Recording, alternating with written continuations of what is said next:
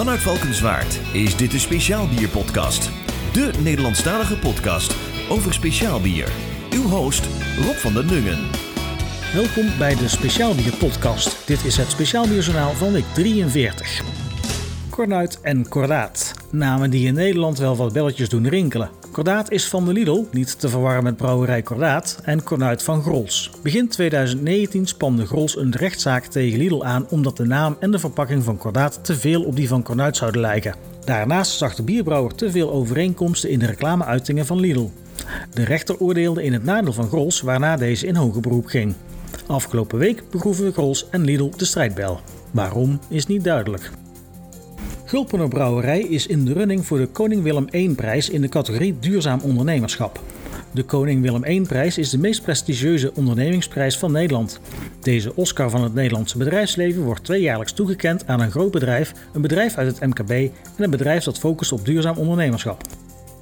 Gulpener Bierbrouwerij staat voor duurzaamheid, ambitie en eerlijkheid en maakt deze visie waar door klimaatneutraal bier te produceren binnen hun familiebedrijf. Dankzij het open source businessmodel worden bedrijven wereldwijd geïnspireerd om mee te liften met Gulpeners succes op het gebied van duurzaamheid.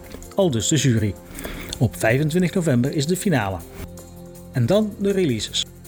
Steenbrugge, uitgegeven onder de vlag van de Palmbrouwerij, heeft een nieuwe variant van zijn bier, de Quadruple. Het is een amberkleurig abdijbier van hoge gisting met een licht zoete en verwarmende smaak. Het moutige karamellaroma met hints van rozijnen en gedroogde pruimen combineert perfect met de typische mix van kruiden en specerijen die het bier zijn unieke heerlijke smaak geeft. Het bier is te verkrijgen bij de Aldi. Emelisse heeft haar White Label serie 2020 uitgebracht. Vijf Emelisse bieren op vijf vaten.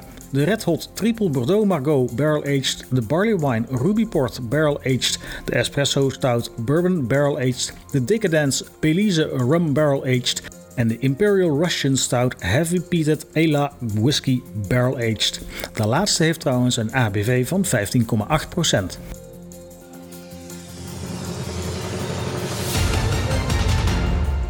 Wil je reageren op de uitzending? Laat dan een voicebericht achter via voicemail.speciaalbierpodcast.nl. Dit was het Speciaal Bierjournaal van week 43.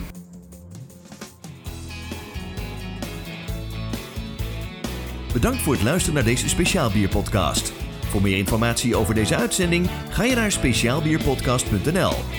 Om geen enkele uitzending te missen, abonneer je natuurlijk op deze podcast.